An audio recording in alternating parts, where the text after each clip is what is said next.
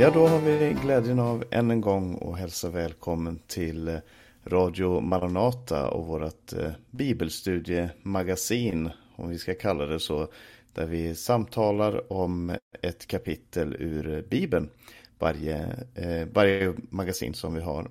Och vi har faktiskt kommit fram till det sista kapitlet i Lukas evangelium. Vi började för, känns som väldigt länge sedan.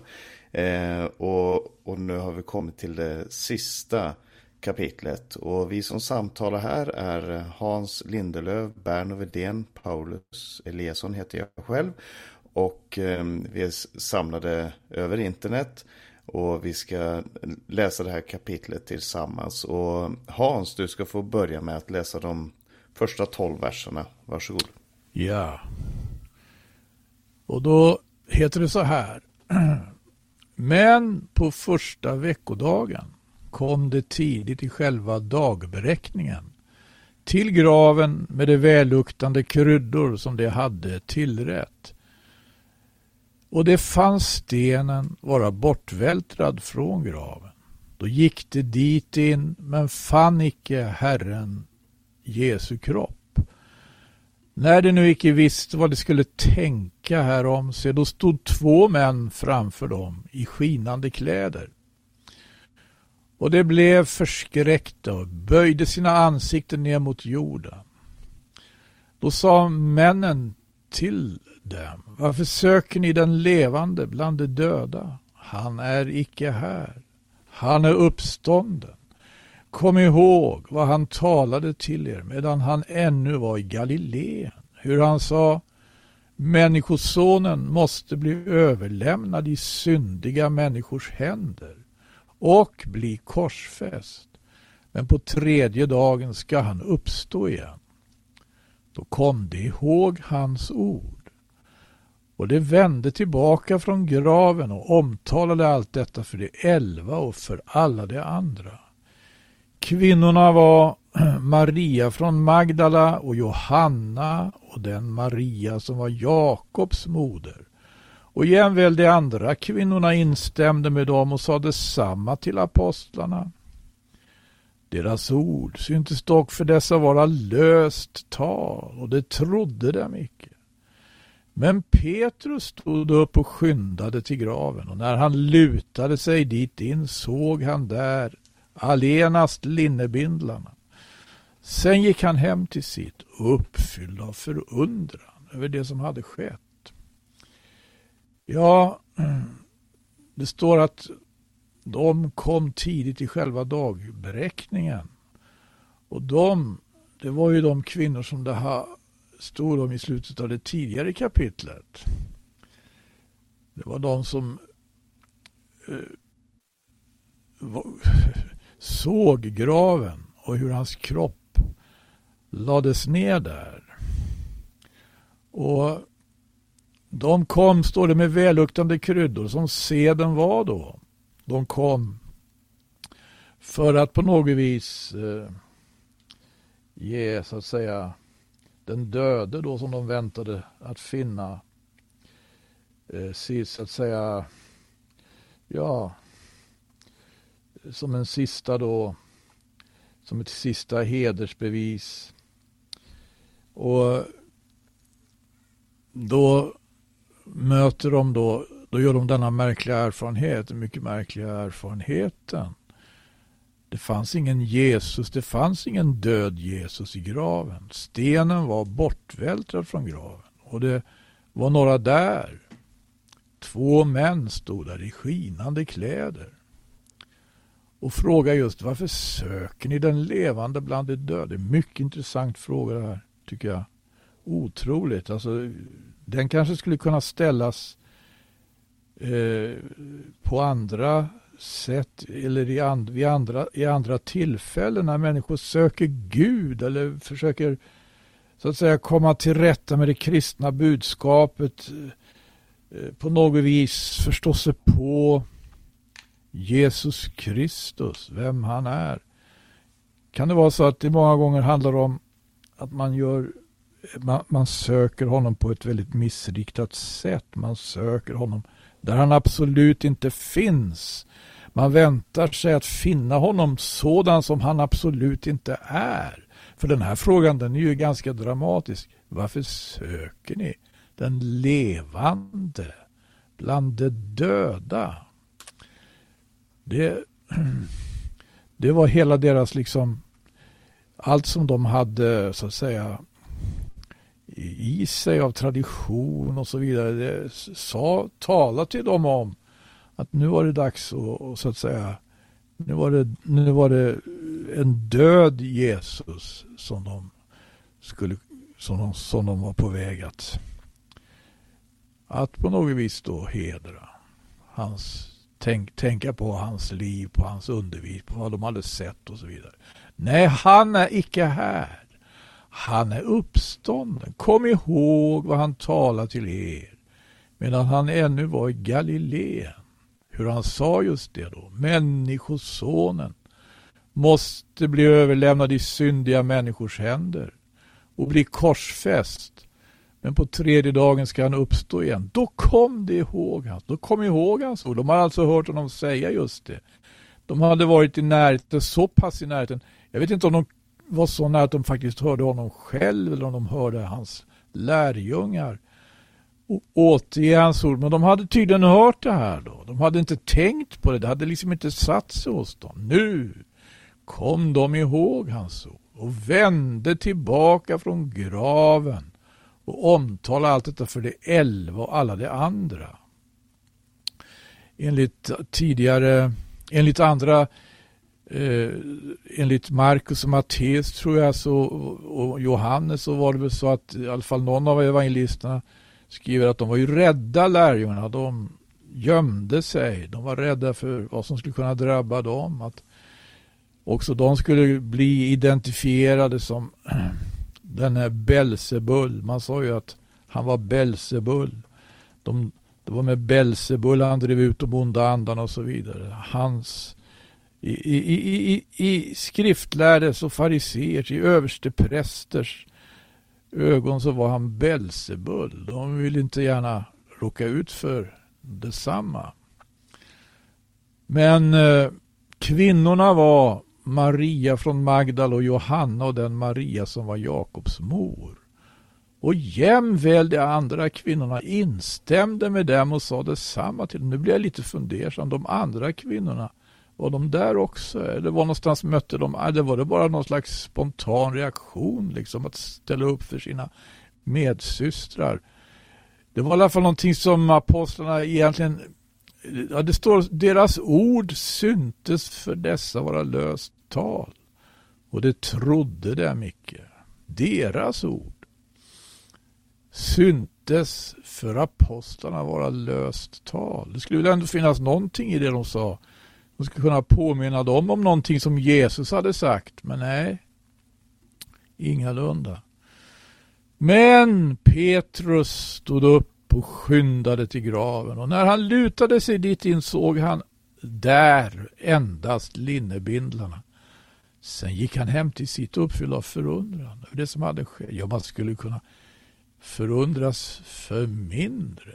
Och eh, vi vet att det kommer en fortsättning på detta. Han skulle inte bli mindre förundrad, men han skulle inte heller bli mindre förvissad. Ja, det var vad jag hade att säga tror jag om de här. Ja, men då ska du ha stort tack för det. Det är en eh, fantastisk text det här. Eh, eh, det är den, som du nämnde här, det här med när, när de får det här påståendet eller den här frågan ifrån, ifrån eh, änglarna. Varför söker ni den levande bland de döda? Det är så väldigt triumfatoriskt påstående och fråga. Eh, för att det, ligger, det är en fråga men det ligger ett påstående där. Han är levande. Det är som att änglarna kan inte ens vänta med att eh, ge det här eh, budet. Det här Eh, Eh, informationen. Han är verkligen uppstånden.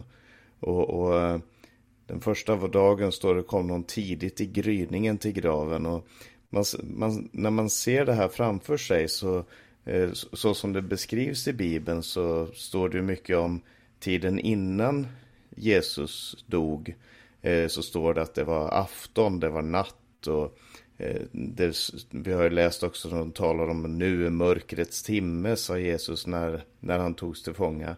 Men på den första veckodagen så kom de tidigt i gryningen. Det var vid solen, när solen höll på att gå upp så var de på väg till den här graven och, och ljuset står verkligen upp ur, ur den här berättelsen. Och de, de får också lära sig vad, vad Jesu ord eh, verkligen betyder. Då kommer de ihåg hans ord. Allting, gav, allting som Jesus hade sagt det gav mening när, när eh, eh, Jesus hade, när han var uppstånden. Då såg de det hela i ett nytt ljus. Prisat vare Gud. Eh, Berno, du ska, om du har några kommentarer omkring de här verserna här innan du eh, läser om Emmausvandrarna för oss också. Ja, jag lyssnar och eh, läser också då de här verserna. Och just de här kapitlen i alla fyra evangelierna, de är så oerhört avgörande. Det här med att Jesus uppstod ur graven. Han är uppstånden. Döden kunde inte behålla honom. Eh, det, det, det, är så, det är så avgörande för hela vår tro. Och, och, att evangelisterna som har skrivit det här då, de är så tydliga, så överbevisande om att presentera just uppståndelsen. Och det sker genom olika vittnen. Eh, något som är lite märkligt med tanke på den tradition och den kultur som, som rådde och många gånger råder också i våra dagar. Det, det är just det här att, att det var kvinnorna som kom till graven. Det var kvinnorna som följde med till Golgata, där Jesus korsfästes. Det var de som stod kvar där. De följde med och såg var Jesus begravdes. Och de var de första som kom till graven här tidigt i gryningen. Man, man ser den här, eh, vad ska man säga, det här helgjutna. Vare sig det, det, det bär eller brister så är det Jesus det handlar om. Man vill vara nära Jesus. Han var deras hopp. Ja, dör Jesus, ja, då dör vi med honom. Går Jesus under, då går vi under med honom. Det finns ingenting som kan skilja oss från honom. Och det möter man också i, i, i de här verserna vi läste här. De var först och de fick då det här budet. Han är uppstånden. Och de skyndade sig iväg till lärjungarna. Och så ser man här också hur de mötte deras budskap då med skepsis. Kunde man tro på det de sa? Och så vidare. Eh, jag ska fortsätta läsningen och eh, hela den här berättelsen hänger ju ihop. Nu så är det dock eh, två andra lärjungar det handlar om och vi läser från vers 13. Samma dag var två av dem på väg till en by som heter Emmaus och ligger drygt en mil från Jerusalem. De gick och samtalade med varandra om allt som hade hänt. Medan de samtalade och diskuterade närmade sig Jesus själv och vandrade med dem. Men deras ögon var slutna så att de inte kände igen honom. Han frågade dem, vad är det ni går och samtalar med varandra om? Då stannade de och såg bedrövade ut. Och den ene som hette Kleopas sade till honom, är du den enda som har besökt Jerusalem och inte vet vad som hänt de här dagarna? Han frågade dem, vad då? De svarade, detta med Jesus från Nasaret. Han var en profet, mäktig i ord och gärning, inför Gud och hela folket. våra överstepräster och rådsherrar utlämnade honom till en dödsdom och korsfäste honom. Men vi hade hoppats att han var den som skulle frälsa Israel. Förutom allt detta är det nu tredje dagen sedan det hände. Och dessutom har några kvinnor bland oss gjort oss uppskakade. De gick till graven tidigt på morgonen, men fann inte hans kropp. De kom och berättade att de hade sett en syn med änglar som sa att han lever. Då gick några av de våra till graven, och de fann att det var som kvinnorna hade sagt, men honom själv såg det inte. Då sa han till dem, så tröga ni är i tanke och hjärta till att tro på allt som profeterna har sagt. Måste inte Messias lida det här för att sedan gå in i sin härlighet? Och han började med Mose och alla profeterna och förklarade för dem vad det stod om honom i alla skrifterna. De närmade sig byn dit de var på väg och han verkade vilja gå vidare. Men de bad honom ivrigt, stanna kvar hos oss. Det är snart kväll och dagen går mot sitt slut. Då gick han in och stannade hos dem. Och när han låg till bords med dem tog han brödet, tackade Gud, bröt det och gav åt dem. Då öppnades deras ögon och de kände igen honom. Men han försvann ur deras åsyn. De sa till varandra, brann inte våra hjärtan i oss när han talade med oss på vägen, när han öppnade skrifterna för oss. De bröt upp i samma stund och återvände till Jerusalem, där de fann de elva och de andra lärjungarna samlade. Dessa sade, Herren har verkligen uppstått och han har visat sig för Simon. Och själva berättade de vad som hade hänt på vägen och hur han hade låtit dem känna igen honom vid brödsbrytelsen. Den här berättelsen som är allmänt då är känd som Emmausvandrarna den, den har talat till mig många gånger just när de vandrade på vägen och samtalade om det som hade hänt. Och för, för, för lärjungarna så var ju Jesus det absolut mest centrala. Det var till honom man hade satt sitt hopp och det var naturligt, det var självklart att man skulle samtala om det som hade hänt. Och de är just det här, det står om Jesus hur han helt plötsligt fanns vid deras sida och varifrån Jesus kom, det, det står det ingenting om. Det är ingen som vet, men helt plötsligt så var han där. De hade ju inte bett honom komma, utan de var ju väldigt fokuserade. De var upptagna av sina problem, det här att Jesus var död, han var begraven, han hade blivit dödad. Och när de så småningom då lade märke till honom så gick han redan där bredvid dem.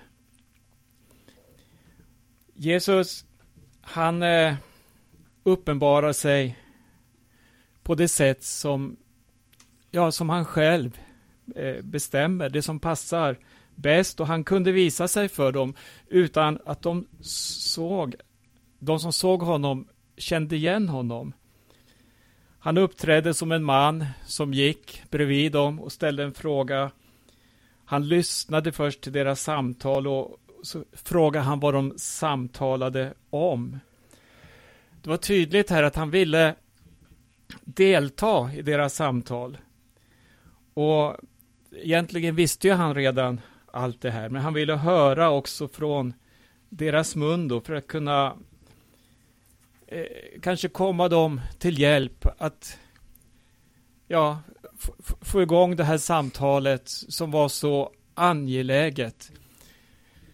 Och eh, när, när, när Jesus då frågade vad de samtalade om så, så blev de förvånade och tyckte att ja, men alla vet vad som har hänt i Jerusalem. Det som alla människor var upptagna med under de här dagarna.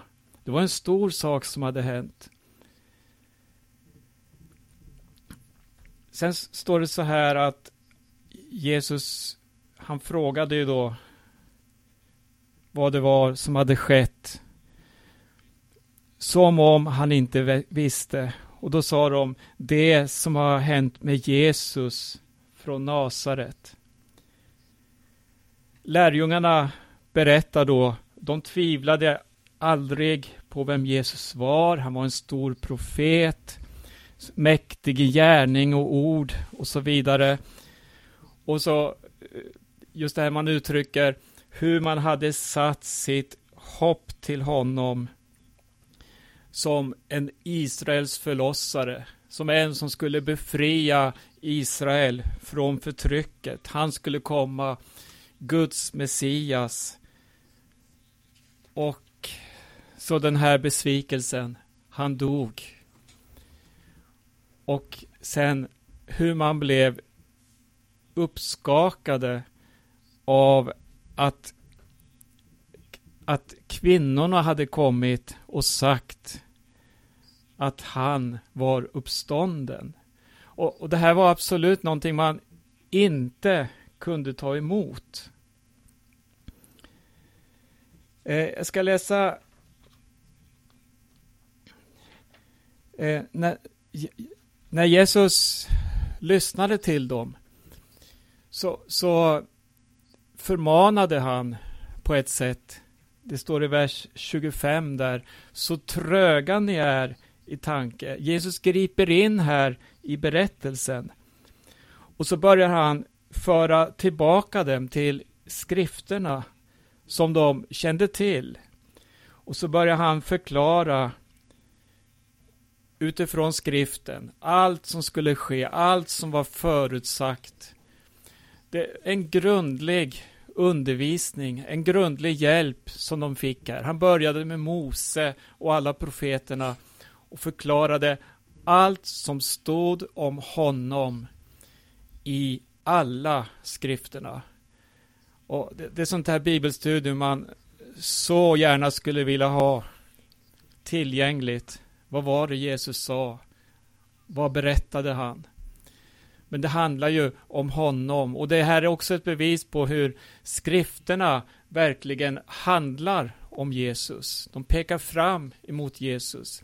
Det som är det centrala i hela Guds frälsningsplan. Sen, sen när man närmar sig byn Emmaus så eh, va, va, man eh, bad honom att stanna kvar. Jesus själv, han eh, såg ut att vilja gå vidare. Men eh, det var snart kväll. Mörkt ute, det är farligt att vandra ute på kvällen. Men han gick in då till dem och stannade hos dem. Och så händer det här, det här oerhörda. Han låg till bords med dem. Han var ju en inbjuden gäst. Men det står om honom att han tog brödet. Det var ju inte gästen, utan det var ju värden som skulle bryta brödet och dela till de inbjudna. Men när Jesus blir inbjuden som gäst, då, då blir han snart värden. Då blir han snart den som visar vägen.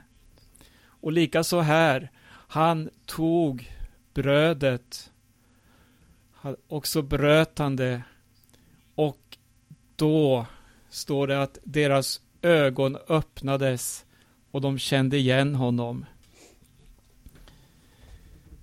Och ja, man, man blir, jag, personligen blir jag väldigt gripen av att läsa den här texten. Om hur Jesus uppenbarar sig, hur han liksom vårdar på, på ett så fint sätt om sina lärjungar. Han skulle, jag tänker på de gick där och talade om den döde Jesus, om hur allt var förlorat. Men, men Jesus, han visste vad de hade gått igenom, hur, hur omöjligt det var för dem att omfatta hela det här budskapet som också innefattade uppståndelsen. Men Jesus stod där. Och, och vad händer? Efter att man hade förstått, han är uppstånden. Ja, då säger man, brann inte våra hjärtan i oss när han talade med oss på vägen. När han öppnade skrifterna för oss. Och det är den här synen på skriften, det är den här inspirationen vi behöver. Ha en direkt kontakt med den uppståndne Jesus. Så att skriftens ord blir levande också för våra hjärtan. Allting stod helt plötsligt så klart för lärjungarna. Det fanns inte längre några tvivel. Nu visste man att Jesus, han lever. De hade själva sett honom. Och det var ju kväll. Man hade sagt till Jesus, kom in, det är sent, det är kväll. Men nu var man angelägna. Nu var inte längre mörkret något hinder, utan man, det stod att i samma stund, fastän man hade vandrat långt, så, och det var sent, så drog man iväg till Jerusalem, för nu hade man ett angeläget ärende. Man sökte upp de elva och de fanns samlade där. Och där hade man samma budskap att ge. Herren har verkligen uppstått och han har visat sig för Simon. Och ja. Och sen, och sen får de själva då berätta för de elva vad de hade upplevt. Hur han undervisade dem i skrifterna på vägen och hur han lärde, hade låtit dem känna igen honom vid brödsbrytelsen. Amen. Tack ska du ha Berno. Eh, Hans, har du några tankar om det här som Berno har läst med oss, om Emmausvandrarna? Ja, det, det är någonting helt enastående med, med Emmausvandrarna och deras möte med Jesus. Och jag har, det som jag tycker är typiskt här, när, när Jesus nalkas och de känner inte igen honom och han frågar vad, som, vad de talar om. Då säger de så här då. Du är väl en främling i Jerusalem, den ende som inte har hört vad där har skett i dessa dagar. Det här är ju också en fråga, alltså det är ett sätt att, det är på sätt och vis sant alltså, därför att det de talar om, det hade inte han hört. Det hade han aldrig gått den här vägen. Vad han hade hört, det var det Gud sa, det var vad Fadern sa. Och det de talar om, det liksom låg på ett sånt helt annat plan. Du är väl en främling i Jerusalem. På sätt och vis i, belyser det ett ord i, i Johannes evangeliet va? Då Johannes döparen framträder och han får ju till uppdrag att eh, förbereda då vägen. Han säger så här, de ställer till frågan till honom, Johannes evangeliets första kapitel, vers 25. Varför döper du då, om du inte är Messias, inte heller Elias, inte heller profeten? Johannes svarade dem och sa, jag döper er i vatten, men mitt ibland er står en som ni inte känner. Han som var själva huvudpersonen som var i händelsernas centrum. Han visste ingenting om vad som hade hänt. Eh, så den uppfattningen fick de här lärjungarna. Och, men det, det visste han ju, men han hade också ett helt annat perspektiv. Ja. Ja, precis. Jag har alltid satt den här texten också i, i förbindelse, eftersom han nämner just det där att han bröt bröd och eh, han hade låtit dem känna igen honom vid brödsbrytelsen så har jag ofta tänkt på min egen erfarenhet av just det, det som handlar om, om brödsbrytelsen. om man säger hur man applicerar det här på sitt eget liv. För att de hamnade i en situation där de, där eh, de till slut, när de bröt brödet tillsammans med honom, såg att Jesus var med oss hela den här vägen. När de gick där och var bedrövade och undrade och inte förstod och så vidare så, så, fick de en, så vandrade de faktiskt tillsammans med Jesus utan att de var medvetna om det. Jag måste säga att ofta när jag kommer in, både när det handlar om undervisningen, gemenskapen, brödsbrytelsen och bönerna, alltså församlingens gemenskap, så sker det väldigt ofta att man ser just det här att ja men våra hjärtan brann i oss och han öppnade skrifterna för oss och han var han var med oss, den uppståndne Jesus, han, han var verkligen med oss. Och det finns de som vill reducera den här texten till att bara handla om det. Att det här är någon slags allegorisk framställning av hur Jesus är närvarande i, i brödsbrytelsen. Och jag tror inte att, eh, att det handlar eh, bara om det. Det här är en historisk händelse. Det här är en uppenbarelse som de var med om. Om Jesus, Kleopas och eh, han som är anonym här. Eh, men, men det är också det här eh, att, tror jag handlar om att vi kan få uppleva att Jesus verkligen är med oss i alla de här olika situationerna och att vi får se tillbaka när vi, när vi kommer till gemenskapen i bön, brödsbrytelse och så vidare. Så får vi se tillbaka på veckan som har gått eller tiden som har gått och säga att Jesus har verkligen varit med oss också. Eh, jag ska läsa den sista delen här som handlar om när Jesus då uppenbarar sig för sina lärjungar. Eh, och sen hans himmelsfärd också. Det är från vers 36 där det står så här. Medan de talade om detta stod Jesus själv mitt ibland dem och sa till dem Frid vare med er. Uppskakade och rädda trodde de att det var en ande de såg. Men han sa till dem Varför är ni så oroliga? Varför kommer det upp tvivel i era hjärtan? Se på mina händer och mina fötter att det verkligen är jag. Rör vid mig och se, en ande har inte kött och ben som ni ser att jag har. När han hade sagt detta visade han dem sina händer och fötter. När de i sin glädje och förundran fortfarande inte kunde tro frågade han dem Har ni något ätbart här?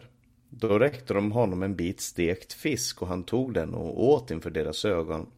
Och han sa till dem, detta är vad jag sa till er medan jag ännu var hos er. Allt måste uppfyllas som är skrivet om mig i Mose lag, profeterna och salmerna. Sedan öppnade han deras sinnen så att de förstod skrifterna. Och han sa till dem, det står skrivet att Messias ska lida och på tredje dagen uppstå från de döda och att omvändelse och syndernas förlåtelse ska förkunnas i hans namn för alla folk med början i Jerusalem. Ni är vittnen om detta. Och jag ska sända över er vad min far har lovat, men ni ska stanna här i staden tills ni har blivit rustade med kraft från höjden. Sedan förde han dem ut till Betania och han lyfte sina händer och välsignade dem. Och medan han välsignade dem lämnade han dem och lyftes upp till himlen. De tillbad honom och vände tillbaka till Jerusalem i stor glädje och de var ständigt i templet och prisade Gud. Amen. Det här är då avslutningen, de avslutande verserna i eh, Lukas evangelium. Och i det här kapitlet så har vi många gånger sett olika känslomässiga reaktioner. Eh, I början så står det om kvinnorna. Det står att de visste inte vad de skulle tro. Det står att när de såg änglarna så blev de rädda. Eh, när kvinnorna kom tillbaka för att eh, Eh, och berättade vad som hade hänt dem så, så står det att lärjungarna trodde inte på dem. Men sen så eh, eh, såg de den det här eh, Petrus, han sprang till graven och så står det att han blev full av förundran. Eh, och de här Emmausvandrarna som vi just läste om, de, de säger brann inte våra hjärtan i oss. Det är alltså olika känslomässiga reaktioner. De, de är de är förvirrade, de är rädda, de är misstänksamma, de är förundrade, de har brinnande hjärtan. Eh, och, och, det får man ju förstå för att, för att de, de befinner sig ju i en situation som aldrig har skett tidigare i historien. Alltså det är inte så att Bibeln säger att ja, Jesus uppstod och det är ju helt vanligt. Det gör ju människor hela tiden. Eller det är ju helt naturligt. Utan tvärtom så framställs det här som inte bara mirakulöst men på många sätt unikt och, och att det, det öppnar en, en eh, dimension som människor inte har sett innan. Och det är med det här, med Jesu uppståndelse som utgångspunkt som han börjar förklara för dem om Mose lag, om profeterna, om salmerna och visa att Messias måste dö, eh, måste lida, måste dö och uppstå igen. Och att syndernas förlåtelse ska, syndernas förlåtelse ska förkunnas i hans namn. Men när man möter den uppståndne Jesus, alltså antingen som de gjorde här eller när man, eh, när man möter här, när man möter Gud i sitt eget liv, så, så förändrar det allt. Ifrån grunden så förändrar det allt som finns, allt som existerar. För att man går helt plötsligt in i en ny värld. I Matteus evangelium så kallas det här för himmelriket. I Markus och Lukas och, i han, eh, och Lukas så kallas det för Guds rike. I Johannes evangelium så kallas det för det eviga livet. Man träder in i någonting som är helt nytt och det är förundrande. Det är, det är sånt som gör att man blir misstroende, att man inte vet vad man ska tro, att man blir rädd, att hjärtan sätts i brand. Och i den här texten som jag läste just nu så står det också att de, eh, ge, eh, de var uppskakade och rädda. Och Jesus säger, varför är ni så oroliga? Varför kommer det upp tvivel i era hjärtan? Eh, de, mötte, de såg Jesus som stod mitt ibland dem och sa frid vare med er. Och, och de blev uppskakade och rädda och det tror jag jag hade blivit också eh, i ett sånt möte med Jesus. Framförallt om jag hade, hade själv hade sett honom dö och bli begraven för tre dagar sedan. Men så till slut då när han, när han eh, talar till dem och de rör vid honom, ser att det är han, så står det när de i sin glädje och förundran fortfarande inte kunde tro frågade han dem, har ni något ätbart här? Och här kommer ett väldigt viktigt ord i Lukas evangelium, nämligen ordet glädje. Eh, så det, det de till slut kommer fram till i, i den här känslomässiga stormen som kastar dem hit och dit, det är en glädje och förundran.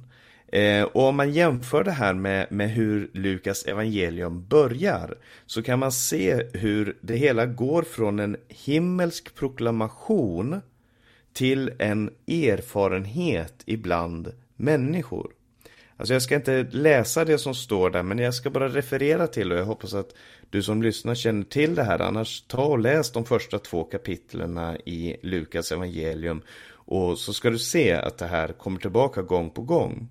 Eh, första är i berättelsen om Johannes döparen och hans föräldrar Sakarias och Elisabet. Så var ju Elisabet eh, gammal och hon hade ingen, inget barn. Men Gud sa att du ska bli du, du ska få en son och ni ska kalla honom för Johannes. Och då säger Elisabet med en gång Herren har tagit bort min skam. Alltså skammen, sorgen som fanns innan, den tar Herren bort. Så går vi lite längre fram i berättelsen så kommer ängeln Gabriel till Maria, jungfrun Maria och börjar med att säga Gläd dig, du som har fått nåd. Herren är med dig. Så ängeln kommer med ett glädjebud till Maria och säger Det finns glädje Maria. Nu ska du glädja dig för du har fått nåd. Herren är med dig. Eh, lite längre fram i berättelsen när både Maria och Elisabet är gravida så kommer Maria på besök hos, hos Elisabet och när hon hälsar, när Maria hälsar Elisabet så spritter eh, eh, Johannes som då är i Elisabets mage, han, han hoppar till och hon, eh, Elisabet säger då att barnet i min mage spratt till av glädje. Så det är som att Gud bryter in i historien eh, där, där folket lever under, en, under förtryck, där man, har, där man är fattiga, där man är utsatta på så många olika sätt så bryter Gud in i historien med en stor glädje. Eh, änglarna, senare när, när Jesus har blivit född så kommer de här änglarna och uppenbarar sig för de herdarna ute på marken och säger till dem Se, vi bringar er en stor glädje för hela folket. Och det här är en glädje, för det är född åt er en frälsare i Davids stad och han är Messias, Herren. Så i den här mörka natten som det var så kommer änglarna med ett glädjebudskap. Men i alla de här situationerna så är det ju eh, ett budskap om glädje. Det ska komma en glädje. Ängeln säger till Maria, gläd dig. Änglarna säger till herdarna, vi bringar en stor glädje. Men men den här glädjen den måste ju bli en erfarenhet i människorna. Och där Jesus gick fram, alltså under hans verksamma tid under tre års tid, så kan man också se i Lukas evangelium att där han går fram, han helar en människa och det blev stor glädje i den staden. Han väckte upp änkan i, Nain, äh, i Nains son och det blev glädje där. Eh, han, han gjorde det här undret, han gav dem det, han gjorde detta och det blev glädje och det blev glädje. Alltså Jesus bryter omöjlighetens bojor. För att för Gud är ingenting omöjligt. Och i den här berättelsen så då, då börjar de glädja sig och de förundras. Och sen lite senare om vi läser de sista verserna här i, i kapitlet. Sen förde han dem ut till Betania. Han lyfte sina händer och han välsignade dem. Och medan han välsignade dem lämnade han dem och lyftes upp till himlen. Och det kan man ju tycka, ja men det här borde ju gjort dem förskräckta, det här borde gjort dem rädda. Nu, nu förlorar de den här frälsaren igen. Men nu hade de fått sina ögon öppnade för skriften. De hade förstått så pass mycket av det Jesus hade sagt till dem att eh, det står så här, de tillbad honom och vände tillbaka till Jerusalem i stor glädje. Och Lukas evangelium slutar med de orden och de var ständigt i templet och prisade Gud. Så resultatet av det Jesus har gjort, om man jämför hur det var innan Lukas evangelium och det som är i slutet av Lukas evangelium så börjar det med människor i en hopplös situation. Det börjar med att människor lever i mörker. Lite som profeten hade sagt, det ska inte alltid vara mörker i det land där nu ångest råder. Eh, över Sebulon och Naftalis land så ska det komma ett ljus som bryter fram. Och, och änglarna förkunnade en stor glädje för dem och i slutet när Jesus är uppstånden och förstår vad det här handlar om så ser de det och så prisar de Gud. Och om jag får citera den här, jag tror jag gjort det många gånger förr, men jag får citera Hans sång som handlar just om den här upplevelsen som de hade här. Jesus lever, det är en verklighet. Och i, i en av verserna där så, så står det så här. Nu kan inget vara hopplöst mer. Nu kan allt hända, precis allt. Och vi som var så modlösa blir världens ljus och jordens salt. De modlösa, de förvirrade, de bekymrade, de rädda, de kommer ut ur den här händelsen förnyade och glada. Gud har fört in glädje i mänskligheten och det här är Lukas stora tema, det som spänner från ände till ände. Hur Gud genom Jesus Kristus kom med en sann glädje in i människosläkten.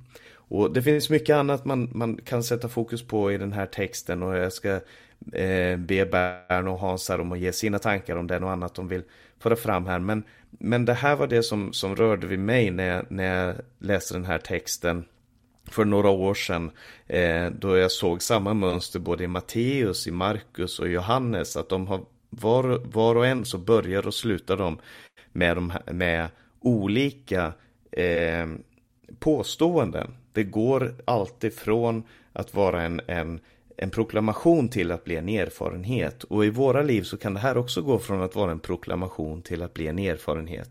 Vi säger Jesus ger dig en stor glädje, kom till honom, ta emot Jesus och du kan få uppleva det i, i ditt eget liv att Jesus förvandlar dig och att han blir en stor glädje också för dig. Amen. Eh, Hans, hade du någonting du ville säga om den här texten också? Om jag har. Jag, jag tycker också den här texten är, och hela det här kapitlet, eh, det är ju om något alltså ett, eh, om man funderar lite grann på själva skriften. Och så är det ju att lägga märke till här att eh, när den uppståndne Jesus kommer sina lärjungar till mötes så är det faktiskt skriften han betonar. Och mm.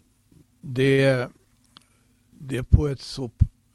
Alltså det, han, hela, hela gamla testamentet, han talar, han går igenom, heter det, eh, Mose och profeterna och salmerna. Och det är ju verkligen också eh, ett uttryck för vad aposteln Paulus eh, skriver till korintierna, till grekerna, då han sammanfattar vad evangelium är. Han skriver i första Korintierbrevets 15 kapitel. Jag meddelade er ju så som ett huvudstycke vad jag själv hade undfått att Kristus dog för våra synder enligt skrifterna och att han blev begraven och att han har uppstått på tredje dagen enligt skrifterna. Ja, här i Lukas evangeliets 24 kapitel så kommer alltså den uppståndne verkligen enligt skrifterna. Han uppenbarar sig för sina lärjungar enligt skrifterna. Det är enligt skrifterna det här sker. Det understryks ganska så kraftigt. Mm. Ja, precis. Eh, Berno, har du också mm. några tankar? Eh, för att knyta an först till eh, första Korinthierbrevet 15. Eh, det framgår ju så tydligt här hur viktigt det var med uppståndelsen. Det, om Jesus inte hade uppstått från de döda, ja, det hade ju varit slutet för kristendomen. Men han visade sig för lärjungarna. Han överbevisade dem. Och som Paulus skriver, han, han, skriver där hur han visade sig för eh, fler än 500 personer. Och så namnger han vissa personer och så namnger han också sig själv. Till sist visade han sig också för mig. Och Paulus var ju inte ett eh, okulärt vittne. Han, han fanns ju inte på plats med lärjungarna, för det var ju före hans omvändelse. Man vet ju inte ens om han hade träffat Jesus, förmodligen inte. Men ändå kunde han säga att han visade sig också för mig. Och, och det här ger oss hopp att Jesus, han lever verkligen. Han kan visa sig för oss också. Var och en som, som eh, tar emot honom i tro. För han uppsöker, han frälser. Och en nyckelvers i Lukas, det här är ju sista kapitlet i Lukas som vi eh, nu har läst då. En nyckelvers i hela, hela eh, evangeliet, det, det, är just det här att Människosonen har kommit för att uppsöka och frälsa det som var förlorat. Och det hade lärjungarna verkligen eh, fått ta del av. Inte bara de, utan många människor som hade fått möta Jesus och fått sina liv förvandlade. I, i det här kapitlet så, så, så läste vi ett, ett par tillfällen där, där lärjungarna i mötet med Jesus, då de, Jesus han, eh, han bryter brödet först och så står det hur deras ögon öppnades. Och i, i slutet här, det som du läste Paulus, så frågade Jesus, har ni något att äta? Och just det här var ju också ett bevis för att en ande, eller ett spöke, eller en, äter ju inte. Men Jesus han bevisade, jag är uppstånden. Han var där i sin kropp och han åt inför sina lärjungars åsyn. Sen eh, en sak till. Det här som tar bort fruktan. Det har ju också med uppståndelsen att göra. om Jesus är uppstånden, ja då, då har vi verkligen ett budskap att komma med. Lärjungarna fick ju frågan av Jesus, varför är ni så oroliga? Och då visade han sina händer och sina fötter. Han visade eh, hur han hade blivit genomborrad. Det var säkerligen märkena efter spikarna som han nu visade lärjungarna. Och det här, det här läser vi om också hur, i eh, en annan berättelse då, hur Thomas inte var tillsammans med lärjungarna när Jesus visade sig. Och hur han inte skulle tro förrän han hade fått se märkena efter Jesus. Men eh, det fick han. Jesus upp, kom tillbaka och visade sig för Thomas. Hela kapitlet, det är verkligen en proklamation som gör att det finns hopp för mänskligheten. Och till sist, det står i vers 48 så här. Ni är vittnen om detta. Han överlämnar ett uppdrag till sina lärjungar. Här börjar missionen. Här börjar församlingens uppdrag. Ni är vittnen om allt detta som har skett. Och löftet, det här återkommer ju sen i Lukas nästa skrift, Apostlagärningarna. Men jag ska sända över er vad min far har lovat. Vi ska bli fyllda av den helige Ande. Och så har vi ett uppdrag till dess att Jesus kommer. Amen. Ja, tack ska du ha. Vi får säga ett stort tack till Radio Maranatas lyssnare också, som eh, om du har följt med oss på den här resan genom eh, Lukas evangelium. Eh, om du vill gå tillbaka och höra de program som har blivit sända så kan du söka på Maranatas podcast. Du kan bland annat gå in på hemsidan också där du kan eh, se de här programmen bakåt i tiden. Och det har varit väldigt eh, intressant och givande får jag säga att, att eh, dela den här texten med, med varandra här. Och vi som har samtalat här det är eh, Hans Lindelöv, Berno Widén som du hörde här sist och jag heter Paulus Eliasson. Och vi från Radio Maranata önskar er Guds rika välsignelse. Vi får se vad, vad måndagsmagasinet kommer tillbaka med senare. Men vi önskar er Guds rika välsignelse och på återhörande.